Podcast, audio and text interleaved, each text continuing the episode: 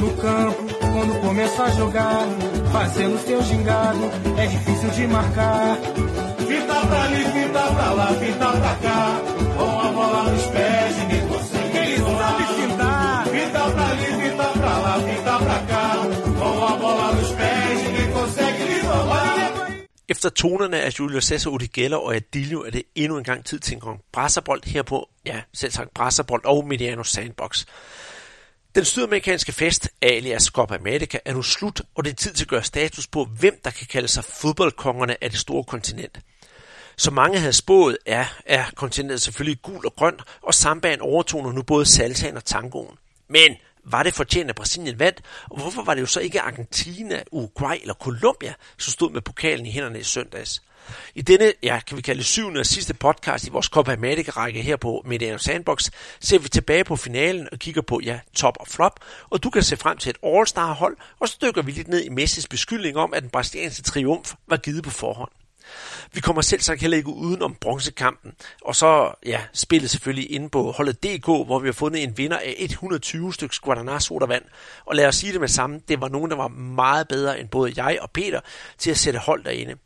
Undervejs kigger vi selvfølgelig også forbi, når Peter inviterer sig sin dejlige lille sukkerfyldte cafecino, og jeg fortæller om Knudsens kæphest, og det drejer sig om VM 1978. Hermed byder jeg, Andreas Knudsen, velkommen til Presserbold på min Sandbox. Jeg sidder hjemme i det sommerkolde Danmark, og i Brasilien sidder Peter Arnholdt, som oplevede finalen på ægte brasiliansk vis. Og inden vi går i gang med den her finale, Peter, så lad mig lige høre, øh, hvordan er den generelle stemning i Brasilien lige nu? Har man hænderne op over hovedet efter at have vundet Copa America? Ej, jeg, jeg synes ikke, jeg mærker den der eufori, øh, som, som der for eksempel var under VM i, i slutrunden, i hvert fald mens det, det gik øh, godt. Det her, det var noget mere, jeg kan vi kalde det stille og, og, og roligt. Øh, men, men folk er selvfølgelig øh, rigtig glade for, for den her øh, titel, ikke? Og, og, øh, og, men det altså et andet sted for, så var den jo også forventeligt. Ikke? Det, det var jo sådan ligesom indgangen til den her turnering, at, at Brasilien de var, de var store favoritter, og de skulle også øh, nå hele vejen til tops, ikke? Og, og, og det gjorde de også. Ikke? Og en gang når store favoritter vinder noget, så, så, så får man ikke den der samme udladning, som, som for eksempel da Danmark vandt øh, EM i, i 1992. Men, øh, men øh, øh, hele holdet får jo får en masse ros for, for turneringen. Øh, der var nogle bump øh, på vejen, ikke? det kommer vi også øh, ind på øh, i løbet af, af udsendelsen, ikke? men, men øh, det er jo således, at i gode eventyr, ikke, Øh, og det blev det jo et, i hvert fald set med brasilianske øjne, der skal man igennem en masse, masse modgang, øh, inden at man kan stå og, og lade sig hylde fejre øh, til sidst. Ikke? Og, så, så det var sådan nogenlunde, hvad, hvad vi, vi så hernede.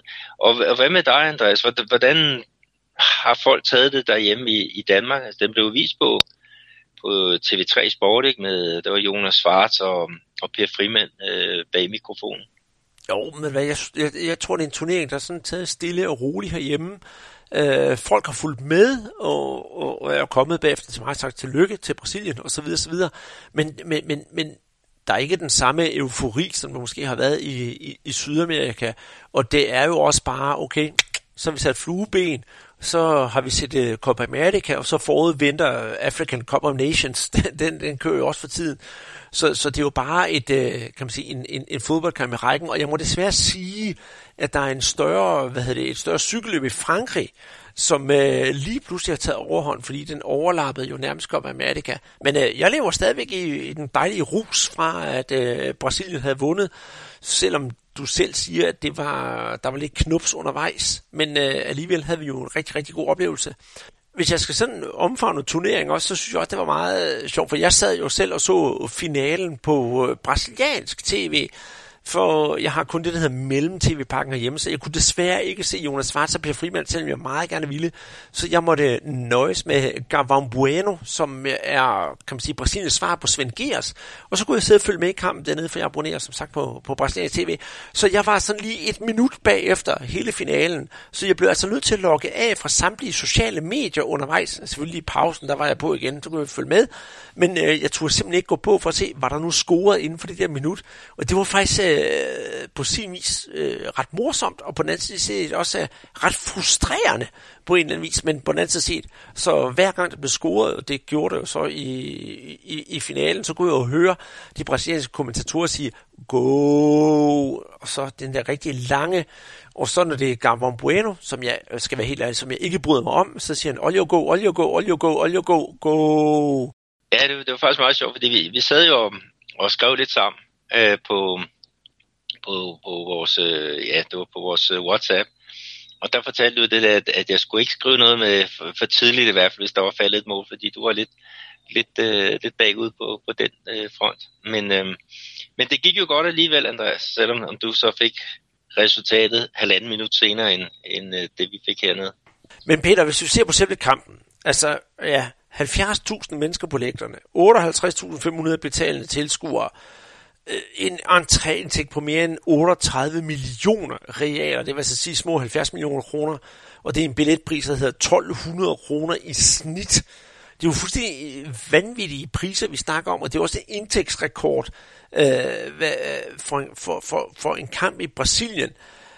Øh, skal vi sidde med hænderne op og sige, yes, øh, vi har nu reddet Brasiliens fodboldindkomst, fordi vi får masser af penge ind, og vi får mennesker på lægterne, eller har man som vi snakker om tidligere podcast her, øh, bare solgt, øh, kan man sige, produktet for dyrt. Ja, altså du kan sige, når der er, når der er udsolgt med, med små 70.000, så, så, så har billetpriser nok ikke været, været helt skæve. Ikke? Men det er jo blevet fodbold for de rige, for, for dem med, med slips, øh, som man, man også øh, kalder det. Øh, men øh, Øh, det, det er mere i forhold til alle de andre øh, kampe, ikke, hvor man har, jeg synes, man kan klage over, at billetpriserne har været for, for høje. Øhm, jeg, jeg tror, at, at der har været en belægningsprocent på ja, omkring 50, øh, måske lidt mere, og, og det, det er et sted ikke, ikke godt nok. Ikke? Og det har jo også betydet, at folk hernede, ikke, det er jo fodboldsultne. Altså nu har den, øh, den, øh, den landstækkende række, øh, den har jo ligget stille, ikke? Og, og i, i længere periode, ikke? og folk har ikke haft penge til at gå ind og, og se de her kampe. Så, så et eller andet sted lidt, lidt ærgerligt, og det har vi også snakket om tidligere. At forhåbentlig så, så får vi en, en uh, turnering til næste år i Colombia og Argentina med, med nogle mere rimelige uh, billetpriser. Uh, men, men det må vi jo det må vi se. Det er jo ikke altid de store fodboldforbund, de, de lærer. Men, men Andreas, du, du var jo med fra start. Jeg, jeg var jo sådan lidt på, på, på, ude på gaderne, fordi jeg skulle finde et sted, hvor jeg skulle se øh, kampen der. Men, men øh, du fik set hele det der opvarmningsshow, der var, og, og var det... Var der noget ved det, eller var det det sædvanlige crap? jeg må desværre indrømme, Peter, sige, det var sgu det, det, det sædvanlige crap. Det så meget godt ud. Man havde sådan et øh, uh, lag hen over selve grøntsværen, og så skulle der begynde noget optræden. Og øh, ja, der var to kunstnere, der optrædede. Jeg ved ikke, hvem den ene var. Det var en mand, han gjorde det på spansk, så han har nok ikke været brasilianer. Og den anden, det var simpelthen øh, den store show-darling i Brasilien. En, øh, en, en, en meget øh, i øvrigt køn kvinde, der hedder Anita. Men jeg må nok sige, at træde op i gråvejr, iført solbriller og, og, og synge sådan en lidt trist sang. Oha, jeg synes simpelthen, det var, det var virkelig smagløst og øh, optræden. Men det er jo så, så, så min holdning. Øh, det, jeg synes, man skulle have brugt kræfter på, det var at, at, at hylde Bossa Novans fader, Jean Gilberto, som øh, netop var død øh, Øh, et par dage forvejen. Han blev også hyldet, det gjorde han, og jeg kan huske, da, da han blev hyldet, der var et minut stillhed for ham, der stod Chiche med lukkede øjne, altså Brasiliens landstræner, og stod virkelig og, og, og kan man næsten nærmest mediteret, men det havde været skønnere, end at de to mennesker deroppe på scenen havde sunget Girl from Ipanema, i stedet for at, at, at bare give den gas, og Anita stod der i sin, noget, der minder om en eller anden oh, nu er jeg virkelig hård, og så siger en, en, en prostitueret brudekjole, der var fuldstændig nedringet, det var virkelig, virkelig smagløst. Så det kunne kun gå opad, øh, da de forlod scenen, og vi skulle have den her kamp i gang, fordi så skete der jo det, vi alle sammen glæder os til. Jamen hvad så med, med selve øh, kampen, Andreas? Hvad, hvad, hvad er dit øh, indtryk af det? Øh, af de ja, 90 minutter, som, som vi, vi kom ud i? Jo, altså, jeg, jeg synes, det jeg så, det var, at øh, jeg tænkte på, øh, straks tilbage på den forrige kamp, hvor, hvor, hvor Peru og Brasilien havde mødtes, og hvor Brasilien bare kørte Peru over. Det var en helt anden kamp, vi så. Peru, de øh, har åbenbart alle sammen ringet til Jürgen Klopp og sagt, øh, goddag Jürgen, hvordan går det nede i Dortmund, dengang han var dernede? Øh, hvordan laver du det der gegenpres? Fordi det var det, øh, Peru kom med, Øh, de har ikke så meget at gøre med individuelt i forhold til brasilianerne, det kan vi være hurtigere at, at konkludere, men i det hele taget, det var et hold, der bare pressede på og pressede på og pressede på, og prøvede på at ryste brasilianerne. Og hvis der er noget, brasilianerne faktisk ikke er gode til, det er, når de får sådan nogen, der virkelig prøver at køre dem over fra, fra starten af, fordi så kan de godt blive en lille smule nervøse, og så bliver det presset i bagkæden. Og jeg er enormt glad for, at øh, den brasilianske bagkæde og deres forsvar, det er så fantastisk. Altså Thiago Silva og alle dem der, de har bare gjort det rigtig, rigtig godt. Så de stod jo imod. Men øh, Peru, de var så set ligeglade, de fortsatte bare, og det synes jeg var meget, det klædte Peru enormt godt, selvom jeg holdt med Brasilien. Jamen altså Peru, de, de fulgte simpelthen strategien fra, fra kampen mod Chile og satte et, et, et øh, højt pres på, på brasilianerne. Det er faktisk også dem, der har de to første afslutninger øh, på, på mål. Ikke? Men øh, Brasilien, de hæv effektiviteten med fra, fra Argentina-kampen med over i, i den her øh, finale og scorer simpelthen på, på den første chance. Øhm, øh, det er således, at, øhm, at øh, jeg tror faktisk, det er Dani Alves, der spiller en, en dyb bold på, på Gabriel Jesus ude på, på højre kanten. Han ligger så i en, en kamp mod to spillere og laver sådan en, en, en finte, hvor han trækker den faktisk lidt bag om sig selv øh, til højre ned mod baglinjen. Og så smækker han den ind mod bagerste stolpe, hvor at øh, Everton, øh, det, det er en helt stor komet ved, ved den her turnering, han dukker op og, og simpelthen flugter den øh, i, i kassen.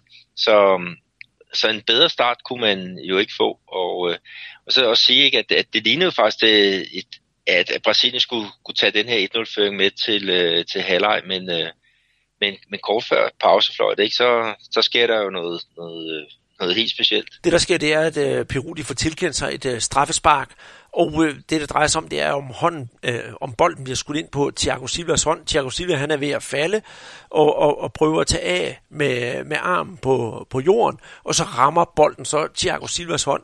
Øh, ja, der kan godt dømme straffespark, selvfølgelig kan det, og det bliver også gjort. Øh, dommeren bliver så øh, hen, hentet hen til var-rummet, og skal diskutere frem og tilbage med var. Og det synes jeg, Peter, det er øh, lidt sådan øh, irriterende, fordi VAR har haft så mange problemer her under, under, under Copa America, så om man kan diskutere, at dommeren har ret eller ej i den her kendelse, om der er straffespark til Peru eller ej, lad det nu ligge. Bare hold ved den der kendelse, og så lad Paulo Guerrero tage det der straffespark, fordi Paulo Guerrero, han stod klar, og alle var, stod bare og kiggede på, at det der straffespark skulle tages, og så skulle han hen til det der varerum, og jeg tænkte bare, nej, nej, nej, nej, hvis han nu dømmer, at der ikke er straffespark, så vil det her gå helt galt.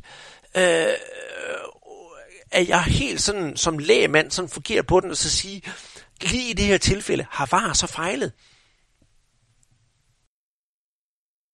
Øh, ja, altså det, det kunne jeg sige ikke, at, at du tager det der stressmoment ud af det, ikke? fordi at, at, øh, at øh, der var mulighed for at kommunikere under øh, altså lige efter det, det er sket, ikke? og så mulighed for at gå ud og, og kigge på, på situationen ude på, på skærmen, og, og man kan jo være lidt grov og så sige, at de der, der sidder oppe i varerummet, de har sågar tid til at, at hive lovbogen frem for at slå op, for at finde ud af, om, om der er straf, eller der, der ikke er straf. Ikke? Og, og det, som, som jeg har hørt, det, er, det er jo det der med, at, at, at hånden, Thiago Silvas øh, hånd var altså i en stilling, øhm, som gør, at den er, altså det er ikke strafbart, hvis den bliver, bliver skudt op på ham. Den, han er ved at lave en glidende takling, og, og så er det hans venstre hånd, der, der er lidt bagud, ikke? og der bliver bolden så sparket ind på, på det. Øh, på den. Men, men faktum er, at der blev øh, øh, dømt det her straffespark, ikke? og der kommer jeg også ind på, på det andet, altså den der frustration, den der sådan uvidshed, der, der er der i, i mellemtiden. Der er jo ikke nogen, der, der får en forklaring på, hvorfor hvorfor er der straffe, eller hvorfor vil der så ikke have været straffe? Altså det er således, at man, de tager dig ud og kigger, og så får du at vide, jamen okay, der er straf, eller der er ikke straf. Der er ikke den der mulighed for, for dommerne, eller vardommeren til lige at markere, jamen det er fordi, at hånden er i en anden situation, hvor det, det er strafbart, så derfor er der straffespark. Det, det synes jeg er i hvert fald en, en kæmpe fejl ved, ved, ved det her øh, VAR-system, sådan som det er nu. Altså, jeg, jeg er ikke særlig meget til amerikansk fodbold, øh, det må jeg indrømme. Men jeg har set nogle af de der kampe, hvor dommeren har stået og så forklaret, hvorfor at han dømmer, som, som han gør. Og så må folk bare tage det til, til efterretning, de må bue, eller de må lade være. Men, men altså, hvad er det for et skøn, som dommeren har, der gør, at han dømmer det der strafspark? Ikke? Og vi kommer jo også ind på det senere hen i, i kampen, øh, hvor at, at øh, det her øh, hjælpemiddel øh, igen bliver, bliver taget i brug, ikke? og hvor igen det, det sådan, man er sådan lidt i ingenmandsland og, og står tilbage øh, sådan lidt uforløst, fordi man, man ved ikke, hvorfor er kendelsen, som, som den er. Jamen, præcis, og så ender det måske med, at vi om, øh, sætter sådan et hårdt op, Peter, og siger, om tre år, så har vi bare fire droner, der flyver op over stadion, og så lige pludselig styrer der bare bot over stadion og siger, der er frispark, der er dum dum dum. For så er dommeren ikke nødvendig længere, fordi det hele det bliver afgjort fra et videorum oppe i et hjørne, og det, ja, Altså, jeg er både provar og kontravar, og i det her Copa America, der synes jeg, at øh, det har været godt at have var med, men det har ikke vist sig fra sin, øh, sin bedste side. Men lad det nu ligge indtil videre.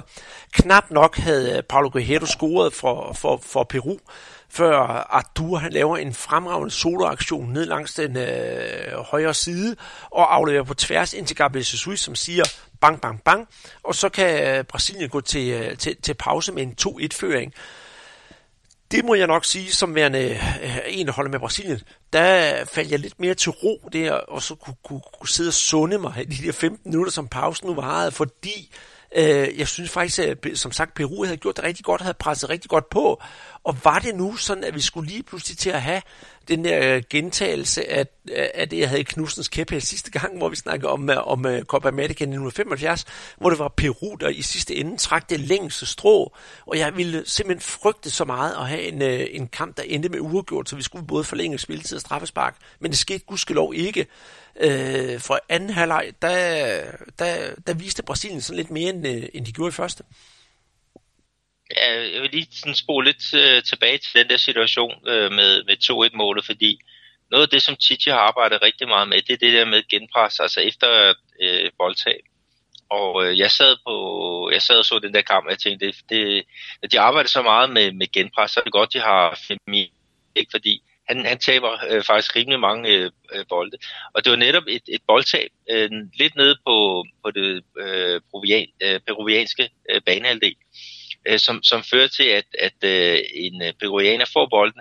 Men Firmino, han kører altså på. Altså han, han jagter simpelthen den her forsvarsspiller, og så kommer han med nærmest en, en glidende takling, øh, hvad hedder det, bagfra, hvor han så med helen får, får spillet bolden til, øh, til Arturik, og så går den så bare øh, med, med fuld fart øh, direkte mod mål, og så, så resten af, af sekvensen er, er som, øh, som du beskriver, ikke? Og, og fedt også for, for Gabriel Jesus, ikke? Som, som øh, har været igennem en periode, hvor han næsten slet ikke har, har kunne finde mål, ikke? og så nu her, så scorer han for, for anden kamp i, i træk. Det var også ham, der scorede mod, mod Argentina. Men det viser igen det der med, når der er fokus på nogle ting, og det lykkes, altså, der må man igen give en masse kado til selvfølgelig spillerne, som udfører det, men så sandelig også øh, træneren, som er med til at, at sætte det i, i system.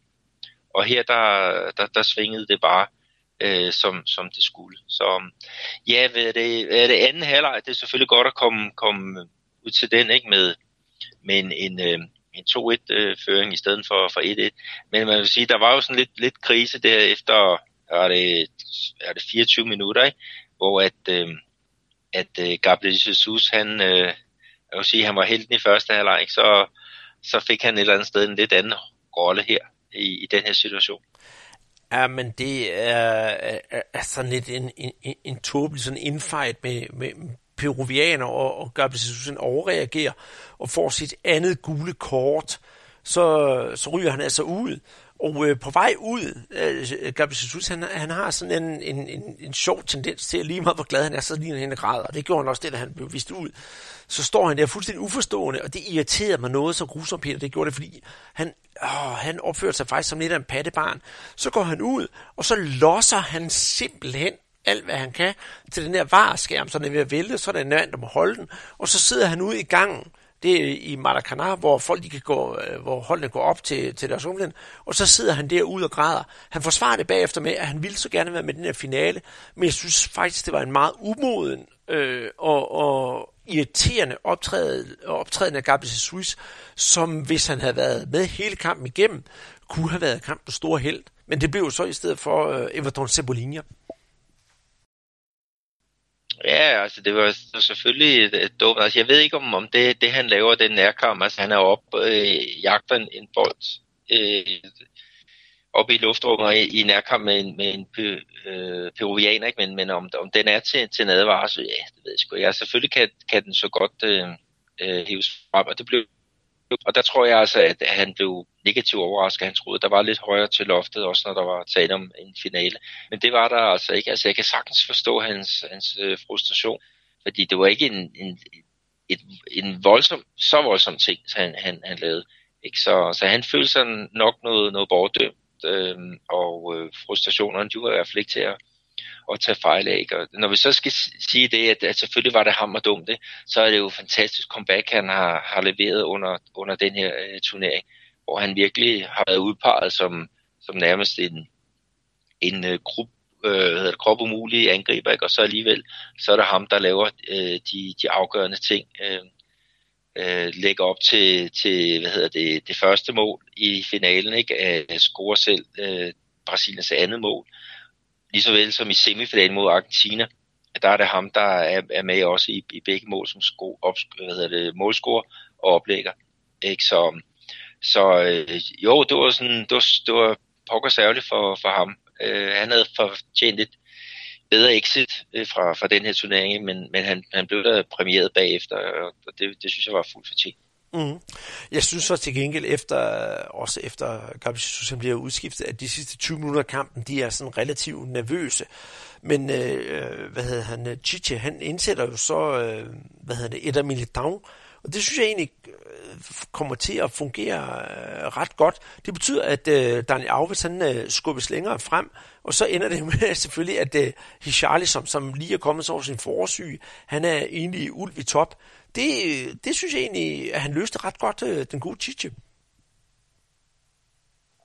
Ja, det, det, var, det, var, det var fint. Det var, det var den nødvendige træk, der, der skulle øh, til, og, øh, og det virkede. Altså, der var lige et par, par gode chancer fra, fra Peru, øh, blandt andet.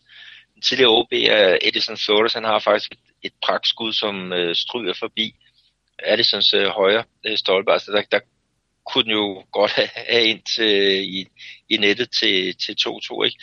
Men, men øhm, øhm, til, til aller, aller sidst, ikke, så lykkedes det jo så for, for Brasilien at, at, at få, få lukket kampen, ikke? Og det er jo så med, hvad skal vi sige, energiske Everton, ikke? Der, der jagter en, en, øh, en helt umulig bold øh, i kamp med, med to peruvianer, og så, så målmanden. Øhm, der er det således, at, at den ene peruvianske forsvar, han går altså ind og, og giver et skulderskub øh, til, til Everton, der, der så falder, og, og dommeren han markerer så et, et, et straffespark. Ikke? Og der, der er vi jo også lidt på den, Andreas, ikke? fordi hverken du eller jeg er sådan, kender fodboldloven sådan helt ned til, til detaljen. Men, men øhm, nogen siger, at der ikke er straffespark, fordi det var bare et rent skulderskub. Og sådan som jeg husker det, så er et skulderskub, for det skal være lovligt, der skal bolden altså være inden for, for, for spilafstand, ikke? og det er den ikke øh, på det tidspunkt, hvor at, at øh, ja, skubbet bliver, bliver sat ind. Så øh, altså jeg, jeg har set mange gange, når, når vi har, når der er udspark fra, fra målmanden, øh, og der bliver sådan puttet op i nærheden af, af nogle angriber, der står med ryggen til mål, og de puffer bagud øh, med, med en, en forsvarsspiller på på ryggen. Der bliver der altså dømt øh, øh, frispark til det forsvarende hold. Ikke? Og det er jo et eller andet sted også det, der, der sker her. Øh, han, han går ind og spærrer øh, Evertons vej til, til, til bolden, selvom den ikke er inden for, for spilafstand. Ikke? Så mm, jeg, jeg synes godt, den kan forsvares. Jeg kan også godt forstå, at folk er frustreret over det. Men igen, ikke? der kan man sige, der har vi igen noget var ind over. Dommeren går ud og kigger i skærmen. De kan sidde deroppe i deres, øh, deres øh, tårn, og de kan slå op i lovbøger, og jeg skal komme efter dig. Øh, og så går han ind og, og hvad hedder det, bekræfter, at der, der er straffespark igen, hvor man sidder der. Der er ikke nogen forklaring på, hvorfor er dommen, som, som den er. Og der kunne jeg altså godt have brugt en, en mikrofon og, og få noget, noget at vide ud fra det, ikke? og det var der 70.000 mennesker på stadion, der, der sikkert også godt kunne. Lige præcis, og jeg må altså indrømme, selvom jeg er så meget pro-brasiliansk, som jeg overhovedet kan blive, Peter, så synes jeg godt nok, det var noget af det tyndeste straffespark, som er blevet tilkendt brasilianerne, men altså, som sagt, jeg er jo heller ikke fodbolddommer, jeg er bare lægemand, og jeg synes bare, ah, det, det, den, den holder sgu ikke rigtigt. Men på den anden side, så er jeg glad for, at sådan en som, øh, som Everton, Cebolinha, han gjorde det så godt, som han gjorde, fordi han kæmpede virkelig i den her kamp, og ville bare gerne. Han havde det altså det at vinde instinkt, som måske mange andre ikke havde. Øh, ikke fordi jeg skal forklare nogen overhovedet på det brasilianske hold, eller på det peruvianske for den sags skyld, men han gjorde altså bare en god indsats, den gode øh, Everton. Ja, det gjorde han, ikke? Og, og vi skal jo også have med, at, ikke, at, at det var faktisk en skade, der gjorde, at han overhovedet Øhm, ja, han kommer endnu tættere på, på startopstilling, ikke? Altså han, øh, Neymar øh, øh, fik jo det der, øh, øh, den skade i sin, sin øh, ankel, der gjorde, at han ikke kunne, kunne være med der. Og så var det så William, der, der blev indkaldt som reserve. Og Everton, han var et eller andet sted første reserve for, for Neymar, men der valgte øh, Chichi så at putte øh, David Neres over i den der venstre side, i hvert fald i øh, de første kampe. Øh, men Everton, når han kom ind, han, han gav virkelig øh, fart og, og driblefærdigheder og, og fik også øh, lavet øh, øh, et par, par mål, der gjorde, at han lige pludselig var, var ham, der startede ind. Og han har jo gjort det fremragende. Bare lidt bleg mod Argentina er blevet skiftet ud i pausen. Men, men her ikke øh, igen for, for Rynik, og jeg kan godt forstå, at der er mange europæiske klubber, som, som meget, meget gerne vil have fat i, i den her offensivspiller fra, fra Gremio. Mm, og det, og det jeg, jeg kan ikke få hænderne ned over, over Everton, fordi netop han er en af dem, som er et relativt ubeskrevet blad for alle europæere, eller os, der sidder her og ser fodbold, se hvem er den unge mand, og så er det dejligt, at han lige pludselig kan stråle så meget, og vi har jo talt om ham enormt meget i vores øh, tidligere podcast, hver gang vi har snakket om Gremio og deres kampe og, og sådan noget, og det var faktisk også lidt sjovt, kan vi sige, Peter, for i denne her kamp, øh, hvor vi har, ja, selvfølgelig Brasilien og Peru, der fik vi jo også på et tidspunkt sådan lidt infight mellem både Everton og, og, og Paulo Guerrero, og den, øh, det kunne jeg ikke lade være med at grine lidt af, fordi de to øh, spillere, øh, Paulo Guerrero han spiller for Internacional, og øh, ja, som sagt, Everton spiller for Gremio, så bliver det sådan lidt, det der hedder Grenau, det som vi kalder det ondeste opgør i, øh, i, i hvert fald i brasiliansk fodbold, mellem de to lokale klubber nede i, i, i Sydbrasilien, og man kunne nærmest se, hvordan de to fik sendt sådan en hilsen til hinanden. Det, jeg ved godt, det er måske ikke sådan på det sportlige klæder, sådan en finale, men på den anden side, så sad jeg alligevel sådan med en god følelse i mig selv og sagde, ja okay, så har vi brasiliansk fodbold tilbage på banen i en Copa America finale. Ja, det gør du ret i. Det var et eller andet sted lidt ærgerligt, at den ene ikke var forsvarsspiller, og den anden var, var angrebsspiller, således vi har fået nogle, nogle flere øh, direkte øh, dueller. Men, men øh, jo, et, et altså fantastisk gennembrud for, for Everton, ikke? Og, og jeg vil også sige, at Paulo Guerrero, han leverede jo en fantastisk øh, turnering. Øh, han scorede øh, tre mål, øh, det, det samme som, som Everton, ikke? Så, så på den led, så kunne vi sige, at den, den interne Granau her til, til Copa America, øh, den endte jo øh, remi. Og det gjorde den jo så alligevel ikke, fordi topscorer-præmien, øh, den gik jo altså til, til Everton. Og det kan godt være, at de har scoret lige så mange mål, altså ham og, og Paolo Guerrero, men Everton vinder altså i sidste ende, fordi han, også, han, han er den, der har lavet flest assists. Så det var ham, der stod med pokalen her til, til sidst. Men, Peter, der er noget, jeg egentlig godt kunne tænke mig at spørge dig om. Det er, at øh, nu har vi jo så fået Brasilien som vinder inden vi går over i det hele, øh, kan man sige, tekniske med, med, med hvor mange chancer der har været. Men vi har jo det der med Neymar eller ikke Neymar. Øh, nu har Brasilien vundet en turnering uden Neymar. Var det godt, eller er det godt for Brasilien, eller er det skidt for Brasilien? Fordi før det, uha, Neymar han er skadet, kan Brasilien overhovedet klare sig? Nu gør de det. Halløjsa, vil jeg så sige. Kan de så klare sig uden Neymar fremover? Ja, det kan de jo lige indtil de, de ryger ind i, i problemer med at, at dirke modstanderens øh, forsvar op. Øh, og sådan har det jo også været her, når øh, de spillede mod, øh, blandt andet mod Venezuela 0-0, ikke? og der, der var der mange, der, der havde håbet på, at øh, altså, tænke på, over hvis bare Neymar havde været der, ikke? og så, så scorede de jo så, hvad er det, fem mål i den næste øh, mod Peru i, i puljespil, ikke? og så er han ligegyldig, og så kommer der jo igen det der mod Paraguay, ikke? 0-0 hvor igen man, man savner øh, den her offensive øh, stjerne. Og så, og, så går det jo meget godt, øh, de program. Øh, brasilianer hernede, de siger altså, når, når Neymar han er, han er fokuseret, når, når han er mentalt det, det rigtige sted, ikke, så er han i kæmpe plus for, for det brasilianske landshold. Men hvis det er således, at, at hans fokus er på, på nogle andre øh, områder, ikke, så, så kommer han til at være øh, mere til besvær end, end, end til gavn. Ikke? Og det er jo også det der med, når det bliver for, for egocentrisk, øh, når det bliver for meget øh, øh, ham alene mod øh, 10 modstandere, øh, når det bliver for meget øh, brok og, og falden på halen, ikke? Så, så, så bliver det en belastning. Og, og også med alt det der, der var uden for banen op til den her øh, turnering, ikke? med den der voldtægtsanklage og, og øh, nogle andre ting, der, der heller ikke var, var som det skulle være, ikke? så må man sige, okay, det var nok meget godt, at han, han ikke øh, var med, øh, men, men på længere sigt, så, så er der nok ingen tvivl om, at Chichi, øh, som fortsætter med, med landsholdet, han vil tage, selvfølgelig tage Neymar ind igen, og så må vi så håbe, at Neymar, han har siddet deroppe på, på tribunen, fordi han var på Maracanã med hans, øh, med hans søn, og se den her kamp. Han var også øh, fået til semifinalen. At han kan se, okay, der, der er altså et hold, der, der godt kan.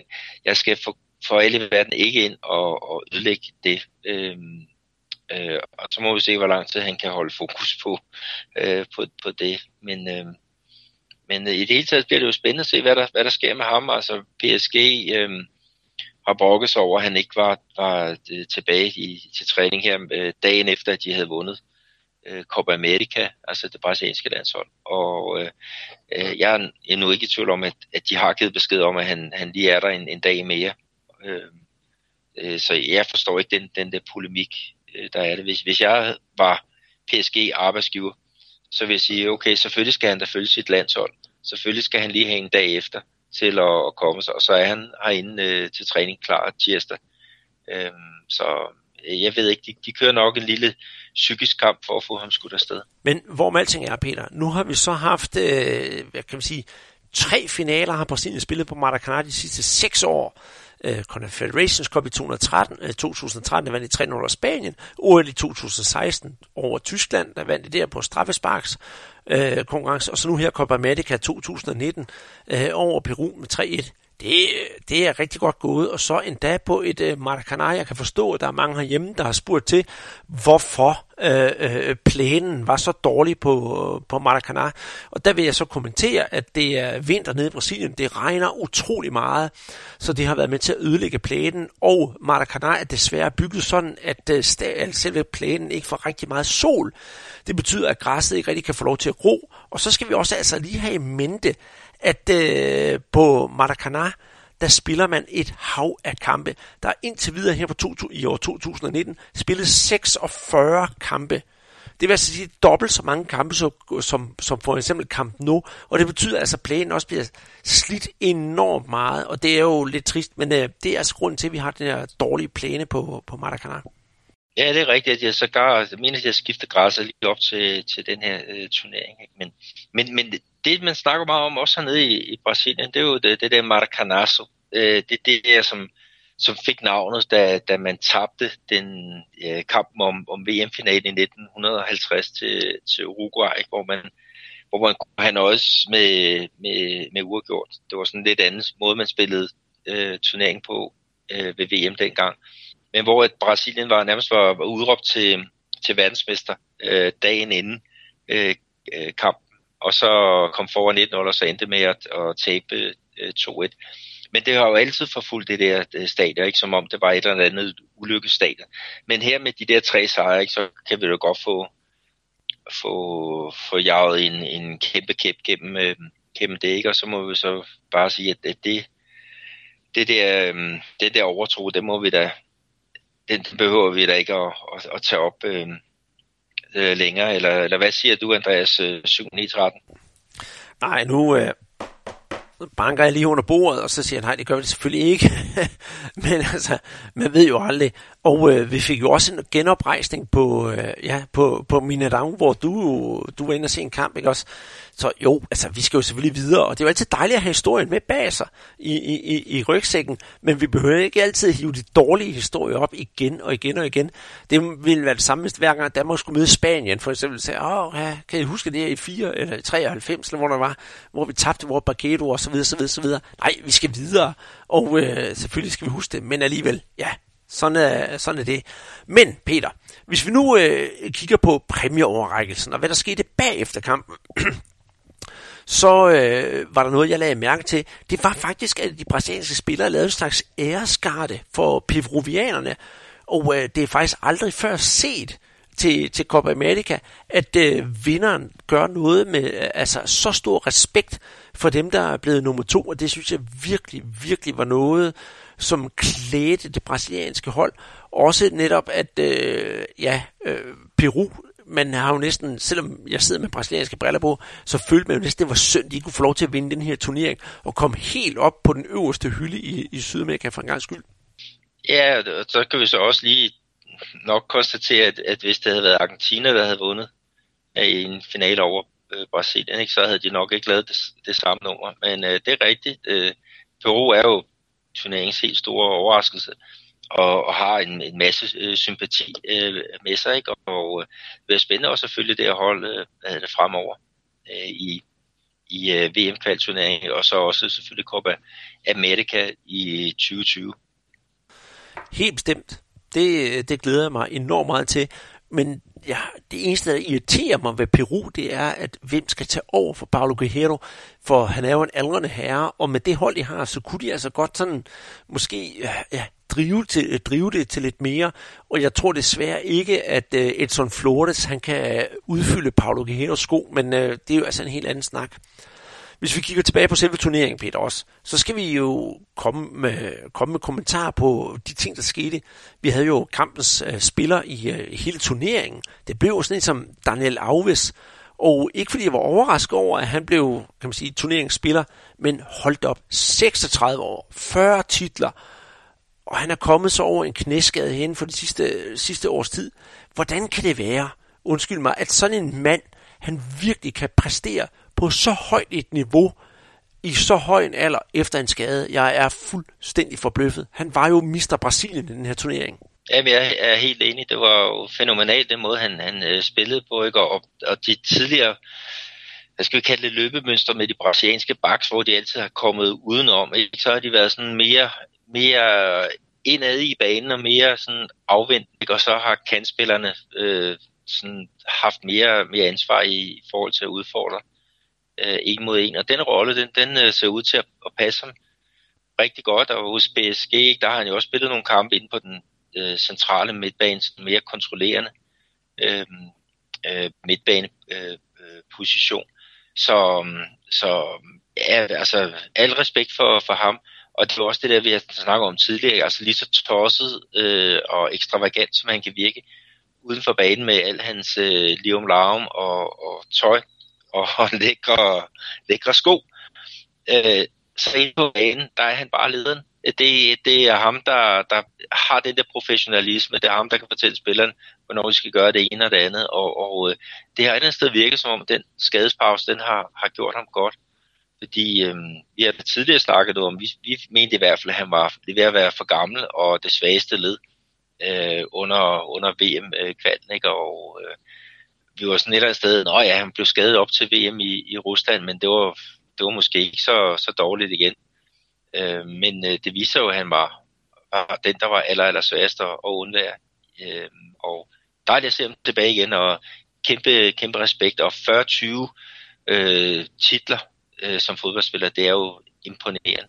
Det er, det er også verdensrekord. Ja, selvfølgelig. Det er, det er helt vildt. Og så netop, nu siger du det med Liam Larum og, og, og, og Geil og Bling Bling fra Daniel Alves side. Han formår jo netop at, og, og, og skille, skille, hvad kan man sige, skidt for snot, eller hvad det hedder.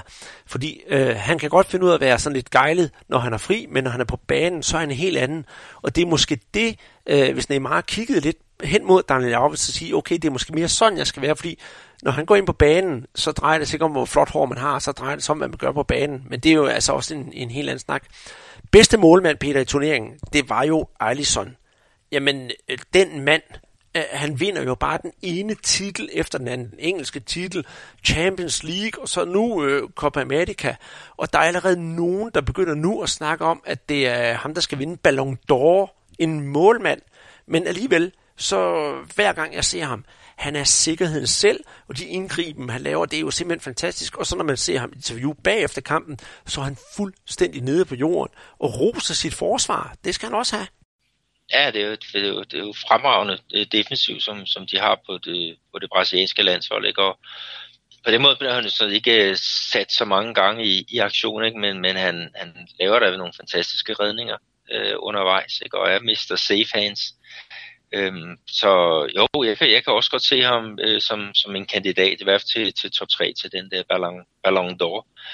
Øhm, og vi skal så lige tage med, ikke, i England, der, der er jo også øh, kåret øh, års øh, hold i, i Premier League, ikke? og der var det jo faktisk ikke Alisson, der, der var på det. Det var hans, hans øh, målmandsmarker øh, på det brasilianske øh, landshold, nemlig Ederson fra Manchester City, der tog den øh, position. Ikke? Og det er helt fantastisk, som brasserne er kørende på, på den post. Men øh, hvis nu så også snakker om Alisson, Peter, fordi jeg kan godt lide, at man, man, man roser de brasilianske målmænd, fordi det er altid der, hvor der ligesom har været sådan en eller anden, ja, men øh, de brasilianske målmænd, de ikke kan finde ud af det. Men man glemmer jo lidt, og nu har vi jo selvfølgelig Alisson som værende egentlig verdens bedste, men vi glemmer jo folk som øh, Gilmar, som vandt øh, VM for Brasilien i 58 og 62, og så har vi Emerson Leão, for slet ikke at, at, at, at glemme øh, Claudio Tafarel, som pt. er målmandstræner på det brasilianske landshold, så den der med, at målmanden er den svageste post hos øh, Brasilien, det er vist en skrøne, vi godt kan skyde ned herfra. Ja, det, det må man sige. Altså, de, de gør jo også en masse. Øh, de har jo haft målmandsspecialtræner i et, et hav af, af år, ikke? og de arbejder sindssygt meget med, med fødderne, ikke? og det har vi jo også set med, med Ederson, som, som nok er den bedste øh, målmand i, i det, det spil, ikke? og, og Alisson, han er jo ikke, han er jo ikke så langt øh, derfra. Øh, i, i det. Nej, overhovedet ikke. Og øh, ved du hvad, i den her sammenhæng, når nu vi snakker om brasilianske målmænd, så synes jeg heller ikke, at vi skal undlade at nævne, at øh, det er faktisk en øh, brasiliansk målmand, der har verdensrekorden i at score flest mål. Og det er jo ingen ringer end, øh, ingen ringer end øh, Rogério Ceni, der også har spillet på det brasilianske landshold, men også har spillet for São Paulo. Så ja, han skal da næsten nævne, synes jeg også det. Jo, han er kæmpe, kæmpe stor Øh, hernede, og i øjeblikket er ved at, og ved at få sig en rigtig spændende trænerkarriere, ikke? som øh, øh han er i, på andet år i, i Fortaleza øh, oprykkerne, ikke? og, og Fortaleza, der har du i hvert fald en, en rigtig øh, øh, god kilde i, i det område. Det har jeg nemlig, og det er ingen ringer end øh, Bechata de Oliveira, som øh, vi har nævnt i den podcast før, som har været, øh, som er pokalvinder med OB tilbage i, øh, ja, var det i år, år 2007, og øh, han bor deroppe, og han er kæmpe, kæmpe stor Fortaleza-fan, og har selv spillet for klubben og været med til mine statsmesterskaber for, for Fortaleza. Så han har sådan en rigtig insider, så hvis jeg skal have noget at vide om klubben, så kan jeg bare spørge, øh, øh hvad hedder det, Bechata. Men Peter, vi skal tilbage til, øh, til Copa America, inden vi kommer ud i alt for mange øh, svingærner. Øh, Topscore-trofæet, det gik jo til Everton Cebolinha, som jeg sagde før. Han vinder over Paulo Guerrero, den har flere sidst. Og øh, Fairplay, den gik jo sådan sagt også til Brasilien, og det var jo så Daniel Alves, der modtog præmien. Ja, det, det er, er rigtigt nok, ikke? Og kan jo så også sige, at, øh, at øh, med, med, med spiller som er det Casemiro, ikke? Han, han har godt nok høstet nogle, nogle gule kort, og, og så fik vi også Gabriel Jesus med en, et, et rødt kort her i, i, i finalen. Ikke? Men, men det er igen, altså sydamerikanske mesterskaber, øh, det, den brasilianske øh, assistenttræner, øh, Clipinho, ikke? han sagde jo også det der, at, at det er jo meget med nærkampe her i, når man spiller hernede i, i Sydamerika, ikke? og det har jo så også kostet på, på kortkontoen, så, så et eller andet sted meget flot, at Brasilien de kunne op den pris med, med tanke på, hvad de, hvad de egentlig var, var røget ind i af, af ja, både gule og røde kort. Præcis, og øh, som fodnote til det her med de gule og røde kort, så kan jeg fortælle, at øh, de, altså, altså, de, de bliver ved og øh, når Brasilien eller Argentina, eller hvem det er, nu skal spille de, øh, kan man sige, kvalen til, til, til det kommende VM, så følger de røde og gule kort altså med. Det vil sige, at sådan en som Messi og, hvad hedder han, øh, Gabriel Jesus, de ikke kan være med i de første kampe for henholdsvis øh, ja, Brasilien og Argentina. Hvis vi så skal kigge på selve overrækkelsen af medaljer, så kan vi heller ikke undgå at snakke lidt om øh, politik og sport, for øh, den, der skulle overrække medaljerne, det var jo ingen ringer end den brasilianske præsident øh, Jair Bolsonaro, som virkelig deler vandene i det, det brasilianske. Da han kom ind på stadion sammen med ja, mennesker fra, fra Comebol, altså det sydamerikanske fodboldforbund, der var det sådan til en blanding af buen og jublen, og det virkede sådan lidt, øh, lidt akavet. Men øh, hvor man tænker, at Bolsonaro han overrækker alle medaljerne, og øh, der har derefter i Brasilien været sådan en snak om, om man skulle blande politik og, og, og, og, og sport på den måde, om præsidenten skulle ja, vise sig frem i, øh, i det sydamerikanske. Og øh, vi må jo så konkludere, om man kan lide det eller ej, at det er altså noget, der er kutume i, øh, i, i det sydamerikanske. For da hvad hedder det, tyskerne vandt VM i år 2014, var det heller ingen ringer end den brasilianske præsident på daværende tidspunkt, Dilma, der overrakte medaljerne til, til tyskerne. Så i det sydamerikanske, om man vil eller ej, så kan man ikke lade være med på den ene, måde, ene eller anden måde at indblande sport og politik. Men efter selve kampen blev det også til, til, til pressemødet. Der var jo noget, noget politisk, som vi ikke kan komme udenom, fordi der var jo nogle, nogle kan man sige, journalister, der begyndte at spørge ind til netop den kontroversielle brasilianske præsident og så fodbold. Ja, det var rigtigt. Det er faktisk en øh, irsk reporter, som, som bor her i, i byen. En, jeg har mødt nogle gange, Evan.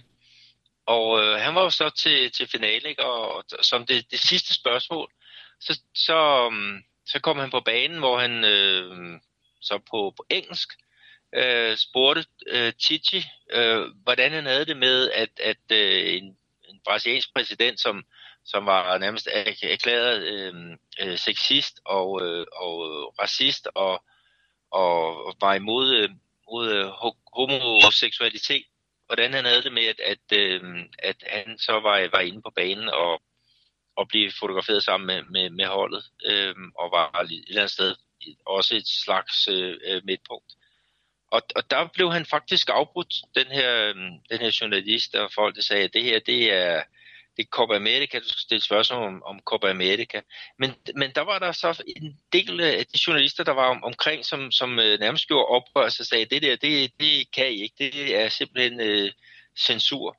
Øh, han skal have lov til at spørge lige om, hvad han har, har lyst til. Ikke? Og, øhm, og Chichi, efter at have fået oversat øh, spørgsmålet, han valgte så også at svare, men han valgte så det der sådan, øh, det klassiske Chichi-svar, der hvor han ikke gør nogen mennesker ondt, og så siger, at øh, hans fokus det er øh, kun på, på fodbolden, og alt det der udenom, det, det er der andre folk, der må, må svare på og, og, og tage sig af. Ikke? Så, øhm, så et eller andet sted, så var det jo et, et helt specielt øh, øh, moment, som, som, øh, som vi så det, ikke? Og, og et eller andet sted godt, at han fik lov til at at køre, køre spørgsmål, spørgsmål til ende. Lige der har der været meget snak om hernede, ikke? at, at øh, Bolsonaro han er jo noget højreorienteret og, og meget pro-diktatur.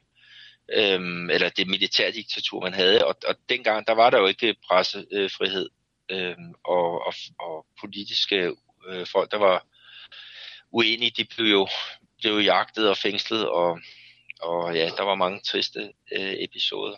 Ikke? Men, øh, så langt gik det altså ikke øh, den her gang. Men øh, jeg glæder mig til at møde Evan i, igen. Øh, han, han skriver for et blad, der hedder, jeg tror det er Independ Independence, øh, øh, som, som hører til der i, ja, er det, er det Dublin.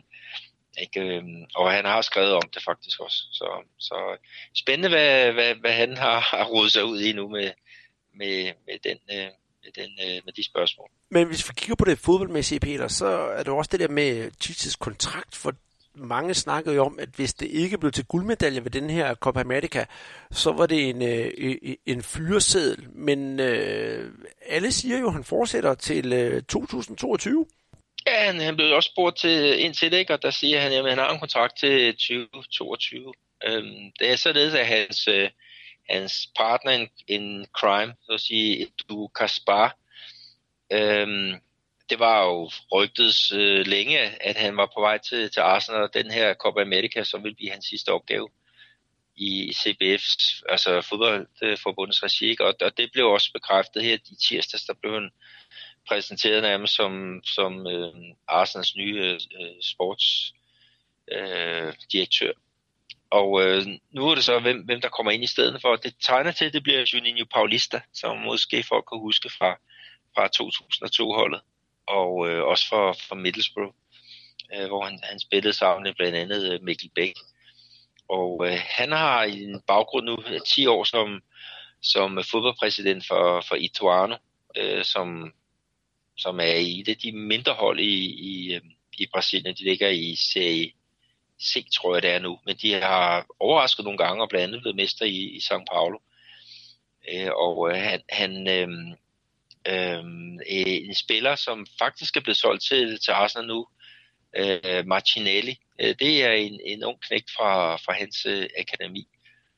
Så, så han har, han, han har en, en fod med i det hele i talentudviklingen, men, men også på, på seniorniveau. Jeg tror, han bliver, han bliver en, en, en god mand at have i spidsen for, for, for det der altså koordinationen af alle, alle landsholdene, og må ikke han, han får et specielt fokus på, på ungdomsholdene, fordi det har set lidt skraldt ud her de sidste par år. Ja, det kan vi ikke komme udenom. Og nu, nu du er i gang med din øh, talestrøm, Peter, så tænker jeg, om vi skulle øh, byde indenfor til en, øh, en lille cafezinho med ekstra sukker uden fløde, og så virkelig stærk, for øh, du vil jo gerne fortælle os lidt om, hvordan det var at være til en øh, finale på en øh, bar i Belo Horizonte. Jo, det er rigtigt. Altså, jeg har jo prøvet en, en del kampe hernede, både på, på stadion og så også, øh, og så også øh, udenfor. Ikke? Og, og, og øh, blandt andet så er der jo, øh, jeg kan huske en, en finale, jeg stod jo pokalfinale mellem, det var Cruzeiro og, og Corinthians, øh, øh, som skulle spilles ned i, i São Paulo. Og der var der så en, en, en bar, der var blevet lavet om til en Cruzeiro-bar, og der var jeg jo så med, øh, det var her sidste år, øh, hvor der var, var fester og, og, og glade dage, og, og det blev Cruzeiro, der, der vandt på to mål. Øh, det sidste faktisk sat ind af, af Deardas Caeta, som jo spillede med for, for Uruguay, ikke? og der blev man da badet i, i øl nogle gange. Og øh, fest og, og høj musik lige fra, fra første øh, moment. Øh, og så øh, den her gang, der var det faktisk øh, så et, et andet sted, der er en bar derovre på den anden side, den restaurant nærmest, der hedder Filet som, som øh, er måske sådan lidt mere mundan, hvor man kan få det der, man kan bestille et, et spyd med, med øh, et kød på. Det kan være okse, det kan være øh, kylling, det kan være øh, gris. Øh, sådan, at der er alle, alle, alle mulige øh, afarter der. Der var jeg så inde og få sådan et, en, en omgang kød der, og så øh, en, selvfølgelig en, en guaraná, øh, selvom det var i, i sommerne koldt. Altså vi har jo haft netter ned til, til 8 grader, jeg sad der i min Brasiliens trøje og og frøs øh, noget så gevaldigt, så jeg skulle nok hellere have haft taget en, en kop kaffe. Men det, det var sådan lidt det der med, at folk de sad og, og kiggede lidt fodbold, og de sad og snakkede og kiggede lidt igen. Altså der var ikke den der helt vilde øh, stemning, som, som jeg har set øh, nogle af, af de andre steder. Og i det øjeblik, at Brasilien øh, at kampen bliver fløjet af, og Brasilien er mester, ikke? så er der lige nogen, der råber, ja, ja, ja, ja. altså der er lidt, lidt jubel. Og så går der jo dårlige øh, 30 sekunder, så slår husorkester så an, og så bliver der så spillet sådan noget, øh, hvad hedder det, øh, øh Saturnation, som, som er sådan lidt øh, sådan en, en bunderøvs, øh, hvad hedder det, øh, musik, så, som er hernede, hvor øh, at, folk i korperhatter, de synger om, om kærlighed og store følelser. Så, så der var ikke på den måde den der øh, forløsning, og da jeg så gik hjem derfra sådan kort tid efter, ikke, der var ikke det der med, med masser af biler ude i gaderne og dytten og, og huden, og, og, og de har også nogle flag, som de, de sender ud i ud af, af, af vinduet på, på bilerne ikke, øh, med, med øh, som, som blaffer rigtig flot i, i, i vinden. Altså, det, der var slet ikke den der eufori, som jeg ender sted, jeg havde, havde forestillet mig. Jeg ved, der har været nogle, nogle, nogle storskærms øh, forestillinger rundt omkring, hvor der har været rigtig mange mennesker, og der har været, været fest øh, og farver. Men øh, det var der altså ikke lige i, i Belo Horizonte øh, den her gang. I hvert fald ikke der, hvor jeg var. Og det var et sted lidt, lidt skuffende. Men øh, øh, Brasilien har vundet meget, og, og de, de er forvent, og det var også en, en sejr, som alle havde regnet med ville komme i hus Så på den måde var der måske ikke det, det samme øh, spral i, i, i det hele, ikke, som det ville have været, hvis det havde været mod Argentina i, i finalen. Så det er sådan min lille, min lille kaffesine. Jeg burde have, som sagt have drukket en, en kop kaffe, varm kaffe, fordi det var, det var ishammerende koldt. Og, øh, øh, men, men så er det godt, man kan varme sig på sådan et, et godt resultat, og jeg var da, jeg var da glad, da jeg gik, øh, gik hjem, fordi at, at øh, det er lidt federe, når, når Brasilien de, øh, de vinder, end når de bliver slået ud i en kvartfinale. Præcis, og øh, med det så siger jeg altså mange tak for, mange gange tak for kaffe, Peter. Og det er også det, jeg har sådan lidt, øh, nu du fortæller den her historie, haft lidt indtrykket af. Øh, det er, at øh, den her sejr, det har været mere en, en, en pligtsejr og den skulle man altså bare igennem, og, og, og, og der har været det der store skæld, der, øh, som, som vi også har her i Danmark mellem landsholdet og, øh, og, og, og fansene, og det har været virkelig stort her i Danmark, og det er endnu større i Brasilien. Men med den her sejr, synes du så, at Brasiliens landshold så har vundet fansens tillid? Mm, øh, det, det kan det jo, det kan det jo i og for sig øh, godt have vundet. Jeg, jeg har ikke helt styr på, hvordan altså om, om Brasilien øh, landsholdet, det er nummer, nummer et. Altså, øh, der er rigtig mange, der glæder sig til, at klubholdene øh, kommer i, i gang igen. Ikke? Og det var så også, som vi snakkede om tidligere, at billetpriserne har været for, for høje. Og, øh, og nu her, så, så går man så i gang med den brasilianske pokalturnering, hvor vi får nogle dramaer i, i kvartfinalen. Øh, lige på Mineirão. Ikke? Der er i morgen, der skal øh, Cruzeiro spille mod Atletico Mineiro, altså et, øh, et, et brag af et lokalt øh, opgør. Ikke? De spiller så ude og, og hjemme om en, en plads i, øhm, øh, i, i, i semifinalen. Ikke? Og, der, og nu, nu er fodbolden sådan for 11 år tilbage, og jeg, altså mange brasilianere har savnet den der. Altså landsholdet, det, det er igen noget, som foregår meget af det i Europa med, med højt betalte stjerner der. Og mange ville gerne have flere brasilianske spillere, altså fra ligaen, med på, på det bedste hold øh, i Brasilien. Så, så det er sådan lidt andet sted, okay nu, der er nogen, der håbede, at Brasilien kunne have tabt, fordi så var der blevet rusket lidt op i det, ikke? og så kunne det være, at der var kommet nogle, øh, sådan revolutioner i forhold til, hvordan det har været kørt øh, hidtil. Men, men altså, nu er de vundet, ikke? og så får vi de samme, hvad hedder det, venskabs, stødsige venskabskampe mod øh, Kina, øh, mod øh, Katar, mod øh, alle de der øh, steder, hvor de får en ordentlig pose penge for at spille, og vi kommer stadigvæk til at, at, at mangle, mangle kampe, venskabskampe her på, på, på det ja, hjemme i, ja, i øh, Rio, i Brasilia, i, på Mineirão og noget der. Det, det kommer vi først til at se igen, når der skal spilles øh, øh VM-kval øh, her i den sydamerikanske gruppe. Ja, det, det er jo altså noget, vi også rigtig godt kan, kan glæde os til, og som sagt, så bliver det jo uden Gabriel Jesus og Lionel Messi i de, i de første kampe, fordi de har jo som sagt røde kort. Men Peter, øh, nu har vi jo snakket i et væld her, snart i en, en lille times tid, så jeg tænker på, om vi ikke skal have os en lille øh, kold Guaraná-pause. For selvom det er koldt nede hos dig, så er det altså smutlunken her hjemme i Danmark, så jeg trænger altså noget til at læske min gane med. Så jeg tænker på at sætte en skiller på og få en Guaraná, og så kigger vi altså på øh, Argentina og bronzekampen bagefter vores øh, lille Guaraná. Så vi ses altså på den anden side. Guaraná Antártica. De Maués para as suas mãos. Bora lá! Det var jo en fornøjelse at få en, øh, en, en, en, en kold Guadalajara. Jeg kan jo kun glæde mig over, at der snart er en vinder på holdet DK, der skal øh, høvle sig igennem 120 stykker af slagsen her i den danske sommervarme. Det bliver en ren fornøjelse, og jeg skal være altid altså en lille smule misundelig på ham, selvom jeg også selv har Guadalajara i mit eget øh, i, i køleskab. Men Peter, nu skal vi altså snakke om noget, der slet egentlig ikke har med Brasilien at gøre, netop bronzekampen, som jo øh, stod mellem Chile og Argentina. Og i sidste podcast, så stod vi jo og snakkede om, hvad bliver det her for en kamp? Det ved vi ikke rigtigt. Det kan, være, det kan blive både en, en dreng eller en pige, fugl og fisk. For, for, for, for hvad kunne vi forvente? Og øh, da jeg øh, tændte for, for kampen og sad og så den, så tager jeg til at starte med, okay, det skal nok øh, blive sådan ja, en, en, en gemen underholdende omgang. Men jeg skal da love for, at der lige pludselig, så kom der altså fart i sagerne, og det var, øh, kan man sige, sydamerikansk fodbold med sydamerikansk fodbold på.